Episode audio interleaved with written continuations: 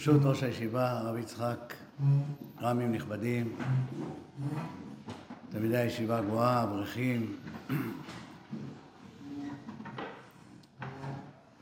לפני שבועיים נתתי שיעור שהוא בעצם עסק בשאלות השגחה ומי עשה לנו את זה, למה זה קרה לנו. השיעור היום יהיה על העתיד. לאן אנחנו הולכים? לאן עם ישראל הולך? מה מצפה לנו? והרעיון לשיעור התחיל כאשר אני שמעתי על אנשים מפורסמים שהצהירו שהם נטשו את היהדות כי זה הזכיר להם את היהודי הגלותי, הזכיר להם את הפרעות. הם רצו להיות אנשי העולם הגדול, להתחבר למדינות הנאורות, להיות חלק מהם. וכשהם ראו מה שקרה בשמחת תורה, מה קרה לנו? בגלל שאנחנו יהודים, כפי שדווח, והקלטות שהקליטו הרוצחים הנתעבים בעצמם. אז אמרו לעצמם, אני רוצה להיות יהודי. אני רוצה להילחם כיהודי. ואז המשיכו פרשנים את דבריהם ואמרו, רוצים לחזור ולהיות חלק מגורל העם היהודי. האם גורל העם היהודי הוא רק פרעות? האם גורל העם היהודי הוא רק שחיטה?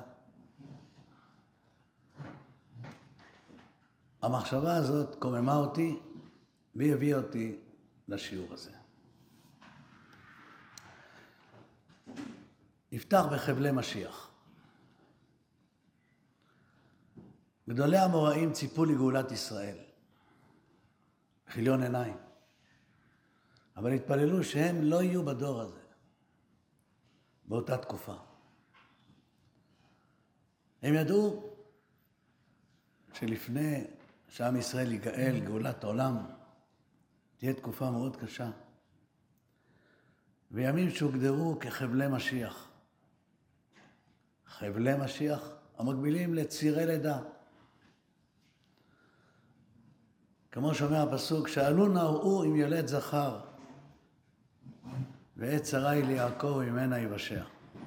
ולכן אמרו המוראים, אנחנו מצפים אמנם לביאת המשיח, אבל אנחנו מעדיפים לא להיות שם. יתה ולא אחמינה, יבוא ולא יראנו. את זה אמר רבי יוחנן, ראש המוראה ארץ ישראל. את זה אמר רבא, ראש ישיבת בבל. ואולה, שירד מארץ ישראל לבבל, או בעלה, היה שליח בין כאן לכאן. כלומר, גם בארץ ישראל, גם בבבל, גם בין שניהם. מדוע הצירים האלה, הקשיים האלה, התקופה הנוראה, מוגדרת כצירי לידה, כחבלי משיח? הרי קורות חייו של ישראל רצופים, פרעות, גירושים.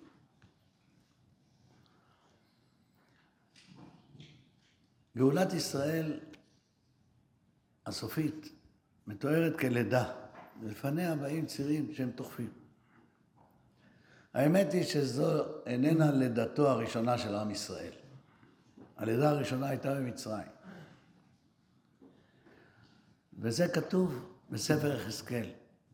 ומולדותייך ביום הולדת אותך לא קורת שורך, ובמים לא רוחצת למשעי, ואומלך לא אומלכת, ואוכתל לא אוכתלת, לא חסה לך עין לעשות לך אחת מאלה.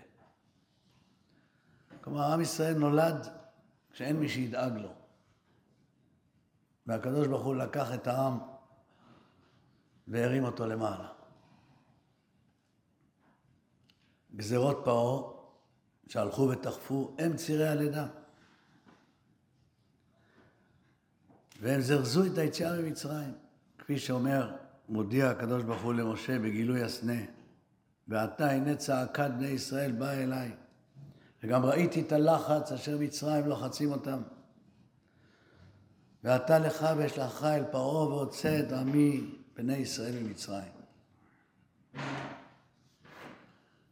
כעת עלינו לדעת וליצור את המשוואה הבאה. היא משוואה מאוד חשובה ותועיל לנו מאוד. יציאת העובר מרחם אמו היא אירוע בלתי הפיך. אין שום אפשרות להחזיר את הילוד לרחם אמו. העובר יונק את החמצן, את המזון, דרכי ההזנה, הכל דרך חבל הטבור, המחובר לשליה, והכל בא מן האם. דרכי ההזנה האלו של חמצן ושל מזון מתחלפים בעת הלידה בבת אחת.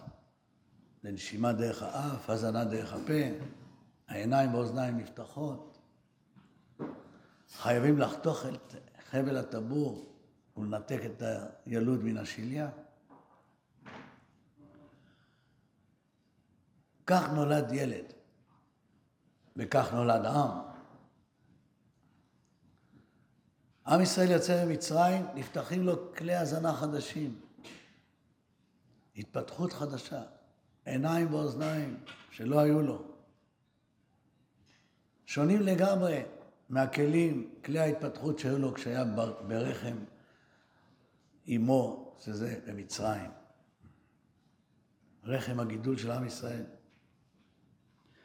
חייבים לנתק את הקשר עם המצרים, ובמקום זה התפתח קשר חדש עם השם אלוקי ישראל, באמצעות חזון, באמצעות תורה, באמצעות נבואה, כל אלה כלים חדשים שלא היו ידועים. כשם שעובר יוצא, קבל כלים חדשים.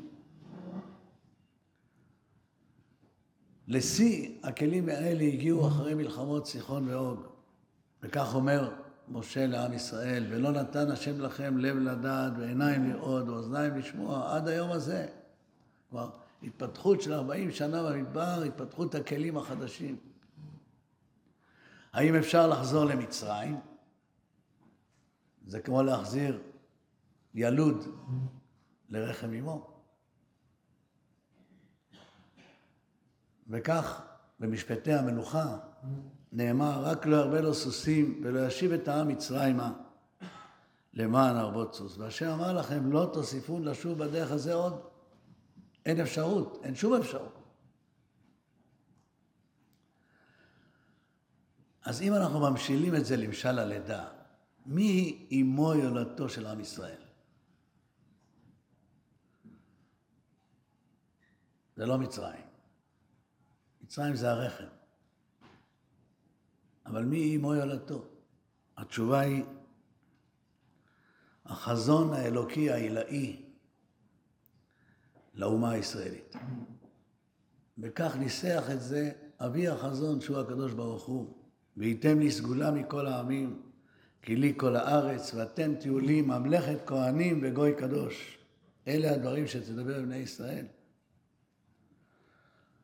החזון הזה, השליחות הזאת, היעד הזה, הוא זה שדחף את עם ישראל להיוולד במצרים. זה כמו אם שיולדת את בנה.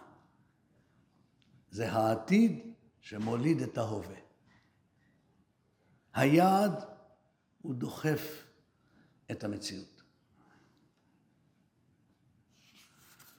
בלידה טבעית תחזור שוב אל המשל. כיצד מתבצעת הלידה? מה עושים צירי הלידה? צירי הלידה הם התכווצויות של הרחם. התכווצויות סדירות של השרירים, וכך העובר נדחף בתנועה סיבובית החוצה. כל זה היה יכול להתבצע ללא צער, ללא כאב. הצער והכאב של צירי הלידה בא בעקבות הגזרה הקדומה. ולאישה אמר, הרבה הרבה עצבונך ועונך בעצב תלדי בנים. גם על האדם הראשון נגזר. נגזרו צער ועצב במציאת לחמו.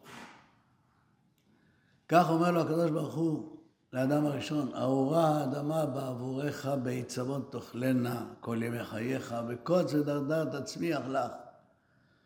ואכלת את עשב השדה וזיעת אפיך תאכל לחם. אנחנו יודעים שהקדוש ברוך הוא מתנהג על פי מידות הצדק המוחלט. גם העונש הוא מידה כנגד מידה. איך העונש הזה של בזיעת אפיך תאכל לחם, איך העונש הזה של הרבה הרבה יצבונך ועירונך, הוא מידה כנגד מידה מול חטא אדם הראשון. האם קיים קשר כזה? אז עוד פעם אנחנו חוזרים לחטא אדם הראשון. אתם שמים לב שחטא אדם הראשון, כל, כל מה שקורה במעשה בראשית, הוא בעצם היסוד לכל מה שמתרחש אלפי שנים לאחר מכן.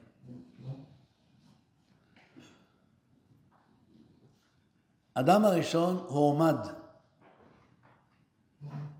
באמצעות האיסור לאכול מעץ הדעת בפני שני כיוונים. אתה, האדם הראשון, תבחר את הכיוון שאתה רוצה לבחור. כיוון אחד הוא כיוון חיובי, כיוון טוב.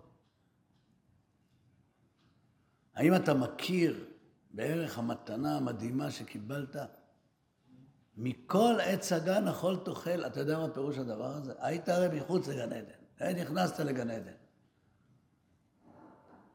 כל הפירות מותרים לך, דברים חדשים שלא היו לך. העצים מוכנים, והפירות גם. זו מתנה מדהימה. ואז האדם הראשון אומר, וואו, כמה אני צריך להכיר טוב למי שנתן לי את כל הטוב הזה. אבל יש עץ אחד שהוא אסור. אם הקדוש ברוך הוא נתן לי את כל הטוב הזה, אז גם העץ הזה שנאסר עליי, גם הוא לטובתי. אני לא יודע למה, אבל כנראה שכך. זה הכיוון הטוב, אבל יש גם כיוון שלילי, שעל האדם הראשון היה צריך עליו לבחור בין שניהם. הכיוון השלילי אומר ככה, צריך להתמקד בעץ הדעת. הוא העץ המדהים, שמי שאוכל ממנו נהיה כאלוקים. כך אמר לו הנחש. כך פיתה אותו. אז אם כך, למה, מדוע הקדוש ברוך הוא נתן לי לאכול מכל הפירות? כדי להסיח את דעתי מן העץ המיוחד הזה. אז הוא נתן לי את כל השאר ככה. וגם זה ממילא מגיע לי. זאת אומרת, אי הכרת הטוב במה שקיבל. מתוך מחשבה שזה מגיע לי. ולכן הוא מתמקד במה שלא קיבלתי, שזה עץ הדעת. העונש היה כך, אני רוצה שאתה תכיר, אומר הקדוש ברוך הוא, בערך מה שקיבלת. הכל היה כאן עבורך מן המוכן. בזיעת אפיך תאכל לחם. קוץ ודרדר תצמיח לך. אתה צריך להבין מה יכול להיות לולא מה שעשיתי עבורך. הפירות הם לא חינם. תחזור למקום שהיית לפני שהכנסתי אותך לגן עדן. תדע להעריך את מה שקיבלת בגן עדן. וגם האישה, תדעי להעריך את פרי הבטן שאני מעניק לך. לכן בעיצרון ובעצב תלדי בנים. כלומר, בעצם העונש הזה היה כדי שהאדם יכיר בערך המתנה שהקדוש ברוך הוא נתן לו. ואז יגיע להכרת הטוב. מכאן, ומן המשל, נעבור אל המציאות, אל הנמשל. מדוע צריך את השעבוד ואת העצב ואת צירי הלידה במצרים? כדי שהעם ידע להכיר בערך הגאולה, בערך היציאה מבית העבדים, בערך החירות, בערך קבלת מסרים נבואים, בערך עמידה על הר סיני. דרך הגעה לארץ ישראל, בערך הווה, להיות דוגמה לעולם כולו, ממלכת כהנים וגוי קדוש. איך אפשר להכיר בערך הזה אם לא נדע מה הצער שהיה לנו קודם לכן?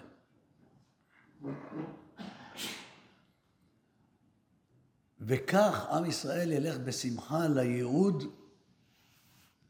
שהקדוש ברוך הוא הועיד לו ולא יתכחש אליו. בפועל ראינו שגם זה לא הספיק. ניתנה ראש ולשוע מצרימה. כמה פעמים העם הביע את דעתו שאולי כדאי לחזור. כלומר, לא הספיק כל הצער והייסורים. היה צריך יד חזקה כדי לגרש את ישראל ממצרים, שנאמר, ויד חזקה יגרשם מארצו. היד החזקה הזאת הופעלה על עם ישראל. שלא יתמהמה אפילו שעה אחת. אותה שעה דרושה להחמצת הבצק, להכין צידה לדרך. גם זה לא היה להם. כדי להוכיח לעם ישראל שאין לו ברירה. כשמגיעה שעת הלידה אי אפשר לעצור אותה. זה גם יסוד הפסוק בפרשת קדש, קדש לי כל בכור, שאנחנו רואים בהנחת תפילין יום-יום. והיה לך לאות על ידך ולזיכרון בין עיניך, למען תהיה תורת השם בפיך, כי ביד חזקה הוציאך השם ממצרים. ביד חזקה פירושו בעל כוחך. אתה לא יכול להתכחש ליעד שלך ולייעוד שלך ולשליחות שלך. אתה לא יכול לחזור למקום שבו אתה לא צריך לעשות דבר. וזה צריך להיות לך לאות, וזה צריך להיות לך לזיכרון. וזאת תורת השם בכללותה. הגמרא אומרת במסכת גירושין שהוגשה כל התורה כולה למצוות תפילין, שנאמר למען תהיה תורת השם בפיך. מה פירוש? הוגשה כל התורה כולה למצוות תפילין. כמובן המצוות תפילין באה להזכיר לך שיש לך ייעוד, עם קדוש, ממלכת כהנים, לתהילה לשם ולתפארת, עם סגולה. ולכל אחד באופן פרטי יש לו יעד, אל תתכחש ליעד שלך. כל התורה כולה היא בעצם הובלת עם ישראל ליעד הקדוש, המקודש, שהוכן עבורו. זו הייתה גאולת מצרים, ואלו היו חבלי הלידה שם. הלידה השנייה היא חבלי משיח. היא לידתו השנייה של עם ישראל, שאנחנו עכשיו בעיצומה, בעיצומם של צירי הלידה, בעיצומם של... בעיצומה של תקופה קשה מנשוא. ומה שעבר עלינו בשמחת תורה זה משהו שהוא קשה למצוא, אי אפשר בכלל להבין אותו, אי אפשר לתאר אותו, אי אפשר לחזור אליו, אי אפשר לשמוע עליו, שיכול להיות דבר כזה. אבל אי אפשר לעצור את תהליכי הלידה. ואלו הם חבלי משיח, ומי יודע אם מצפים לנו עוד קשיים, עוד יותר קשים, שגדולי המוראים פחדו מהם. אבל התקופה הקשה הזו, וזה בדיוק מה שאני הולך לומר, זה לא הגורל היהודי, שהוא בעצם ההרג וההשפלה. זה לא הגורל היהודי. הגורל היהודי זו התקופה החדשה שעתידה להיוולד. אתם תשאלו, מה יכול להיות עוד משהו חדש? מה, ייוולדו לנו עוד כלים חדשים מיוחדים שלא היו קודם לכם? מה החידוש שיהיה בלידה הזו, שאי אפשר יהיה לחזור למציאות הקודמת, ולכן היא הוגדרה כחבלי משיח.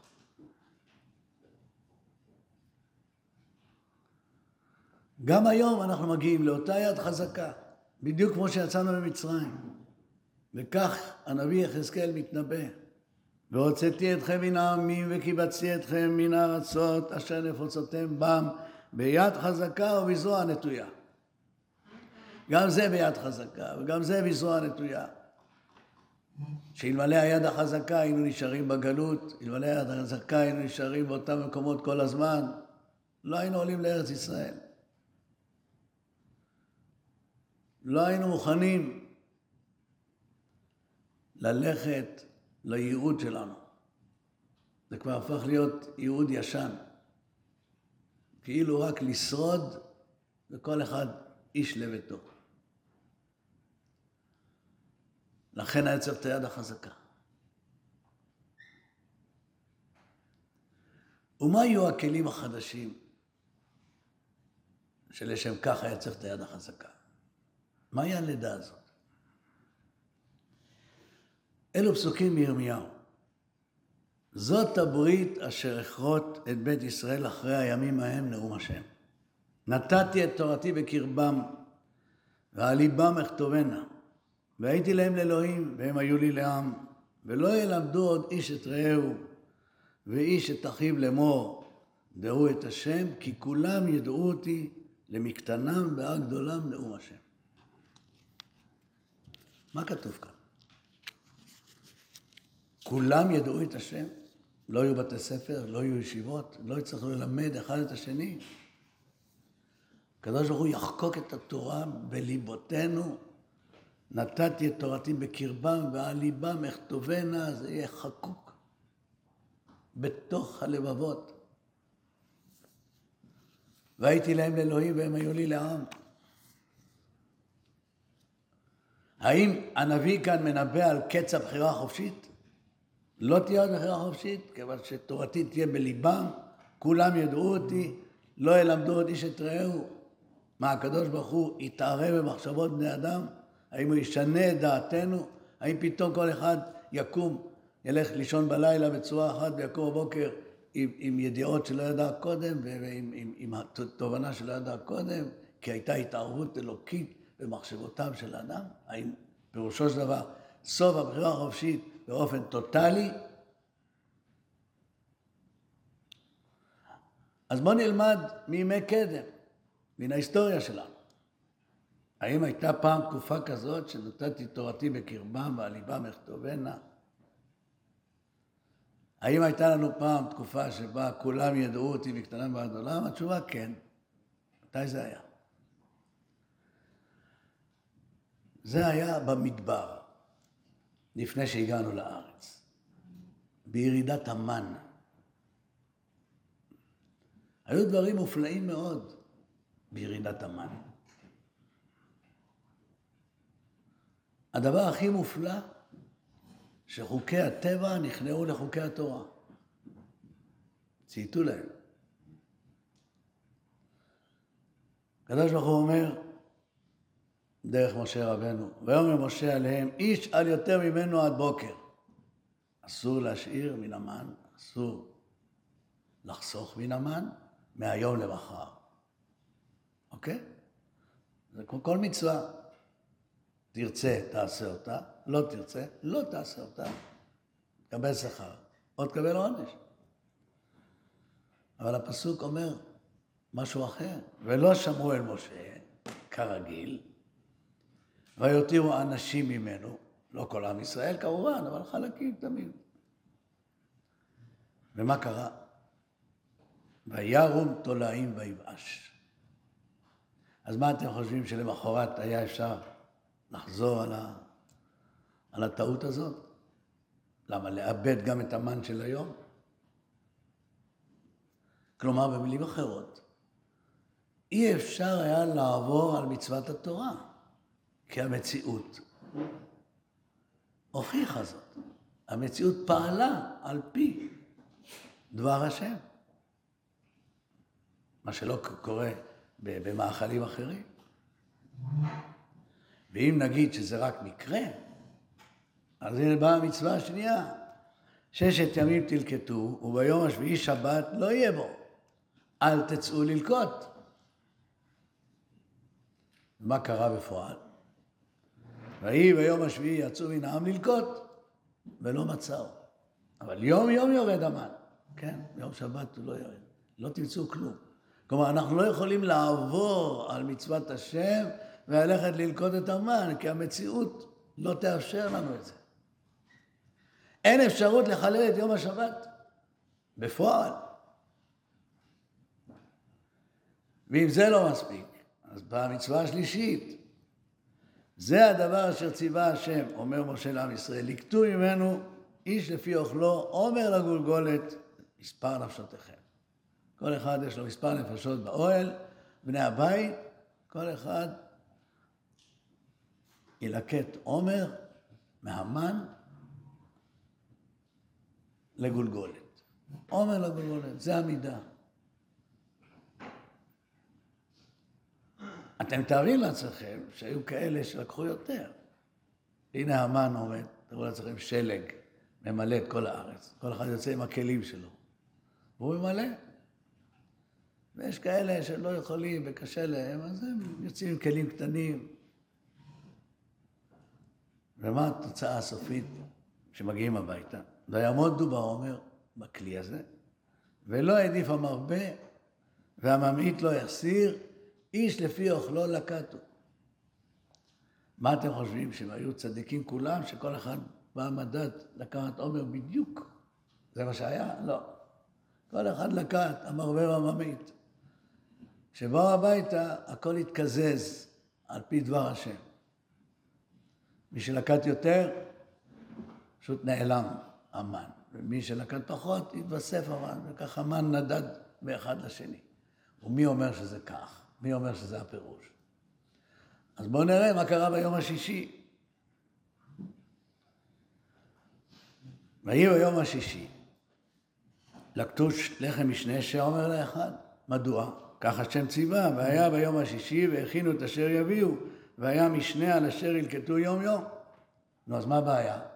השם ציווה ללקוט לחם משנה, וכל אחד לקט לחם משנה, הכל בסדר. מה כתוב בהמשך? ויבואו כל נשיאי העדה ויגידו למשה. מה הם אמרו? עשינו כאשר ציוויתנו? ממש לא. אומר להם משה, הוא אשר דיבר השם. שבתון, שבת קודש להשם מחר. אתם מבינים למה זה קרה? כלומר, עכשיו פתאום. הכל משתנה. הם לקטו עומר ולא שניים, ואז הגיעו הביתה ומצאו שניים. ואז באו כל נשיאי עדה ואמרו למשה, מה זה? אז אמרו להם, הוא אשר דיבר השם. שכחתי לומר לכם, או שלא אמרתי לכם את זה מתוך כוונה. אבל מחר לא תמצאו, אז היום אתם מקבלים כפול. זאת אומרת שגם מה שלקטו בהתחלה, מרבה במאית, כל אחד לקח לפי מה, ש... מה שבא לו. ויעמודו בעומר, וכך זה היה. ביום השישי זה הוכפל. כלומר, הכל מתרחש פה בלי ידיעתם ובלי כוונתם. תגידו לי, זה לא אחרית הימים? ועשיתי את אשר בחוקיי תלכו? זה לא אחרית הימים שכולם ידעו אותי מקטנם ועד גדולם? שיברו על יום השבת, הנה יום השבת, רואים אותו. השם ציווה, הנה המצווה, אתה לא יכול לעבור, אתה לא יכול לשנות, אתה לא יכול לעשות כלום. חוקי הטבע מצייתים לחוקי התורה, למצוות השם. ואז בשבת לא יורד מנו. מה אנחנו לומדים מסיפור המן, מהדברים האלה? שנתתי תורתי בקרבם ועל ליבם אכתבנה, זה לא שהקדוש ברוך הוא משנה את דעות בני אדם, הוא לא מתערב במחשבות בני אדם, אלא הוא מייצר מציאות שהיא משנה את הדעות של בני אדם. והמציאות, אם היא תהיה כל כך חזקה, אז לא יהיה מנוס מהסקת מסקנות. אז איך נדע את השם? רואים את המציאות שפועלת על פי דבר השם, אז כך יודעים את השם. רגע. זאת אומרת שהקדוש ברוך הוא לא מתערב במחשבות בני אדם. זה, זו המסקנה, אם לומדים את זה מלמן, אלא מייצר מציאות. אי אפשר יהיה לחלל את יום השבת, נקודה. אז נגמר הסיפור. אין עוד שכר ועונש, אין טעם הבריאה. התשובה לא. לחלל את יום השבת, אתה לא יכול, כי המציאות תמנע את זאת ממך. אבל ביום השבת עצמו, להגיע לדרגות קרבת אלוקים, זה כל אחד לפי מדרגתו, כל אחד לפי המאמץ שהוא עושה. כלומר, הבחירה תהיה לא בין לחלל את דבר השם או לקיים אותו, אלא איך לקיים אותו בצורה הטובה ביותר. זאת תהיה הבחירה החופשית שתישאר. כל אדם במידת חסידות גבוהה יותר, אז יום השבת יהפוך לדרגת קרבת אלוקים עוד יותר גדולה, כמו הבדל הדרגות בין הנביאים. עד משה רבנו, פנים אל פנים. ההבדל בין הדרגות הנביאים לא היה מי יחלל את דבר השם ומי יקיים אותו, אלא כולם יקיימים את דבר השם, השאלה באיזה רמה יקיימו את דבר השם, שזה המציאות לא תראה.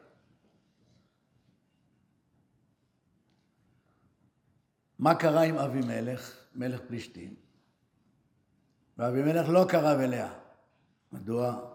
מלך חסיד היה? ממש לא. והוא אומר לקדוש ברוך הוא, הגוי גם צדיק טהור, אומר לו הקדוש ברוך הוא, אני יודע, צדיק, ספק. ואחסוך גם אנוכי אותך מחתו לי. ולא נתתיך לנגוע אליה. אני לא נתתי לך לנגוע אליה, זה לא אתה.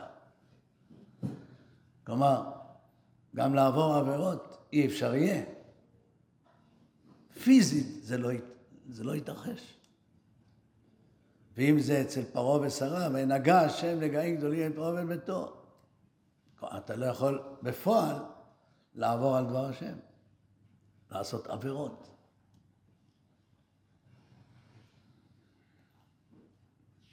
איך אמרו חז"ל בלשונם המליצית? אני אומר, יש הרבה, איך נקרא לזה, נצנוצים של אור בדברי חז"ל, שמלמדים אותנו איך להבין אותם, במיוחד בדברי אגדה. הנה תראו, אמר רבי שמעון חסידה, בעולם הזה, זה מדרש תהילים, פרק ע"ג, בעולם הזה אדם הולך ללקוט תאנים בשבת. אין התאנה אומרת כלום. אבל לעתיד לבוא, אדם הולך ללקוט תאנה בשבת, היא צורחת ואומרת שבת היום. באמת התאנה תצמח? היא תדבר? ממש לא. אלא הכוונה, לא תוכל לקטוף, אין, אין מציאות שתקטוף. פשוט התאנה לא תיכתף, לא שהיא תצמח ותאמר שבת, אבל אמרתי לכם, זה לשון מליצית של חז"ל.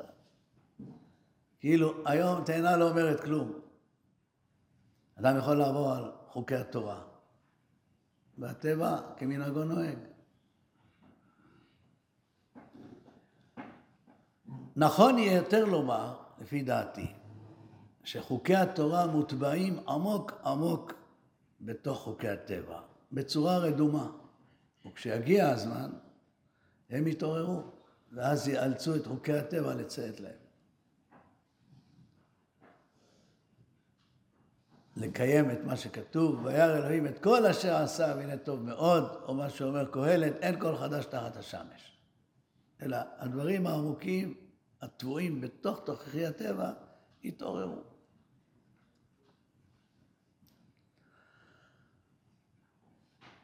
אנחנו ממשיכים את אותה נקודה שבה פתחנו, על מה שמתרחש היום. תראו, האנטישמיות, שנאת ישראל, היא מושרשת באומות העולם. לא מהיום ולא מאתמול ולא מלפני אלף ולא אלפיים שנה. אלא האנטישמיות הזאת מלווה את עמנו אלפי שנים מיום שירדה שכינה על הר סיני. לכן קראו לו גם סיני. מיום שבו נהיינו לעם, לעם נבחר. אז בשלב הראשון, יהודים אמרו, למה אנחנו צריכים לחיות כך? כל הזמן בתוך שנאה, בתוך אנטישמיות נוראה. בואו ניטוש את הזהות הלאומית שלנו. נהיה כמו כולם. זו התגובה הראשונה לאנטישמיות, כדי להיפטר מן הגורל שאפף אותנו בזמן הגלות. והתורה אומרת, הקדוש ברוך הוא מזהיר, ובגויים ההם לא תרגיע ולא יהיה מנוח לכף רגליך. זה לא סתם אתם לא תמצאו מקום מרגוע בארצות הגויים, אלא אל תחשבו שאם תהיו כגויים ותתנהגו כמותם ותיטשו את זהותכם הלאומית, אז הכל יבוא על מקומו בשלום, יבוא לכם מרגוע. לא. בגויים ההם לא תרגיע ולא יהיה מנוח לכף רגליך. ואם לא הבנו את זה, את כוונת הכתוב, בא יחזקאל הנביא, הוא אומר את זה מפורשות. והעולה על רוחכם היה לא תהיה אשר אתם אומרים נהיה כגויים. כמובן, זה לא סתם אומרים נהיה כגויים, אלא די, אנחנו לא, לא יכולים לשאת את, ה, את השנאה הזאת, בואו נצא ממנה. חי אני נאום השם אלוקים, אם לא ביד חזקה, או בזרוע נטויה, או בחמה שפוכה, אם לא חלק. אין דבר כזה. עם ישראל לא יכול להיות ככל הגויים.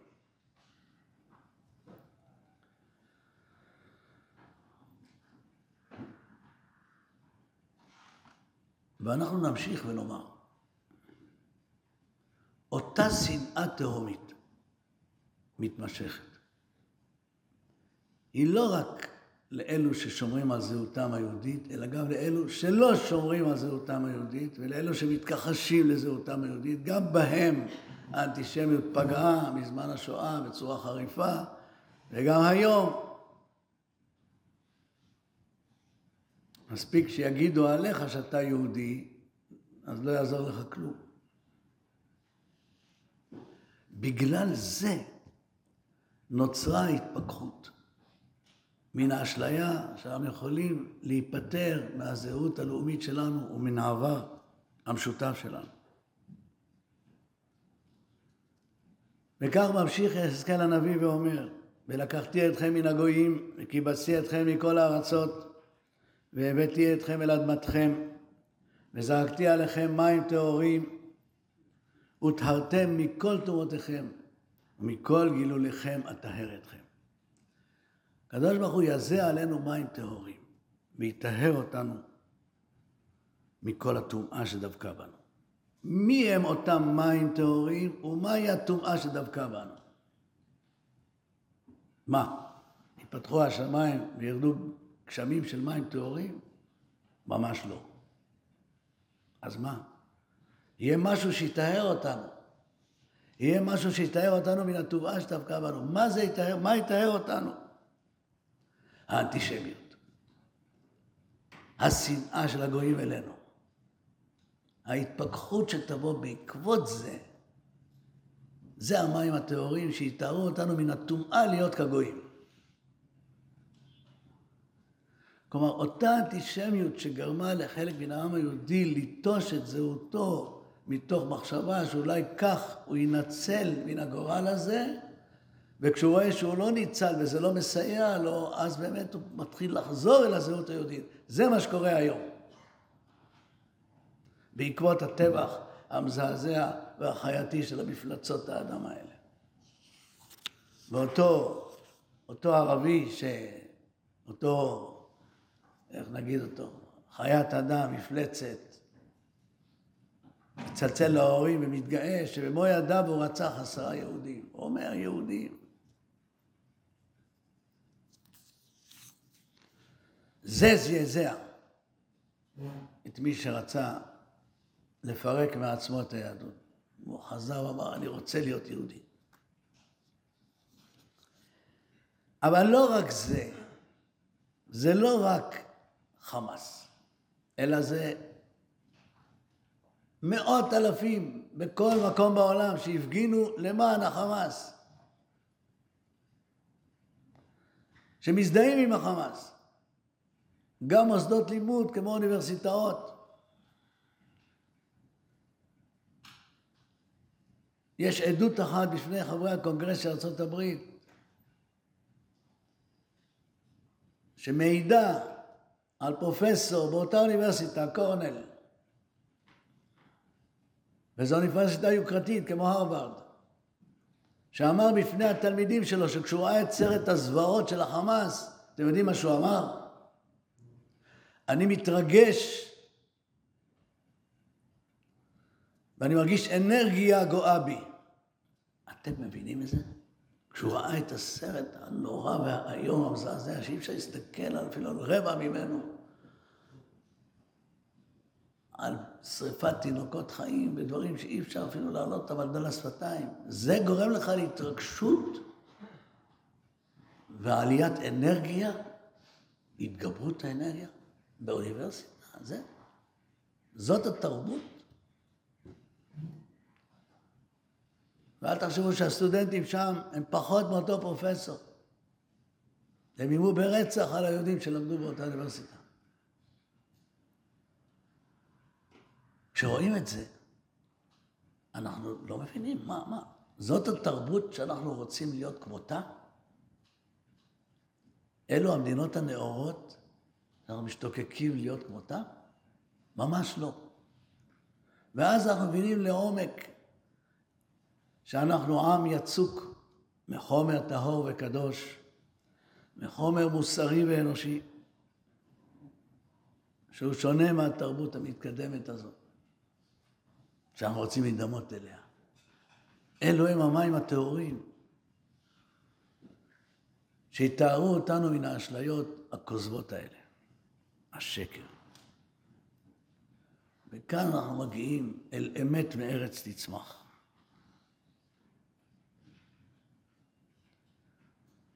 תראו, בעבר היו אומרים קמפיין או קידום מכירות. איך היו עושים את זה? היו מבליטים את היתרונות של המוצר שאותו רוצים למכור, וממזערים את החסרונות שלו, כדי לשכנע אנשים לקנות מוצר. זה נקרא חצי אמת, וגם חצי שקר. היום ההידרדרות איומה להצגת שקרים מוחלטים כאמת, כאמיתות שמטות את דעת הקהל. אנחנו חווינו בשנים האחרונות דברים מזעזעים, בשקרים מובהקים שהתבררו אחר כך בבית המשפט כשקר מוחלט שהוצג כאמת מתוך אג'נדה ומתוך תפיסה שרוצה לקדם משהו. להפיל מישהו. מה זה הדבר הזה?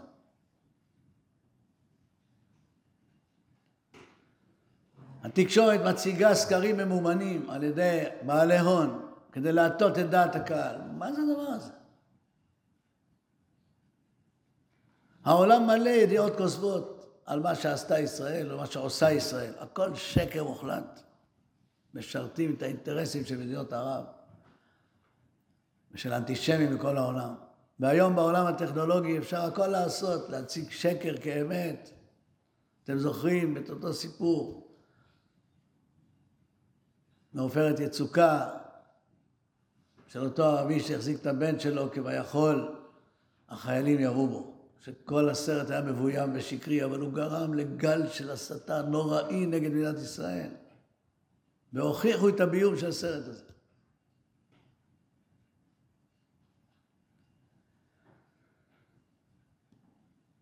וכאן קריאתו של הנביא זכריה מהדהדת. אלה הדברים אשר תעשו, דברו אמת איש את רעהו. ההתעוררות של האמת היא תביא לשינויים דרסטיים.